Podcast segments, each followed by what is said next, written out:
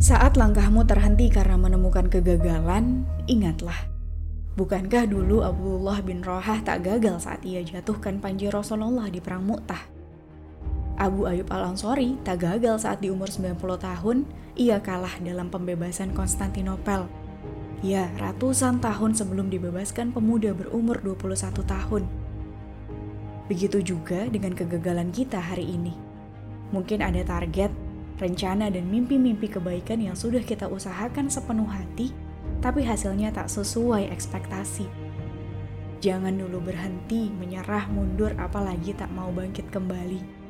Selama kita sudah mengusahakan yang terbaik, percayalah, tak ada yang gagal dalam memperjuangkan kebaikan. Jasa mereka tak terkira menjadi salah satu anak tangga emas menuju kemenangan. Mereka yang gagal ialah yang tak mau mencoba, bersantai hingga kemenangan hadir tanpa kontribusinya.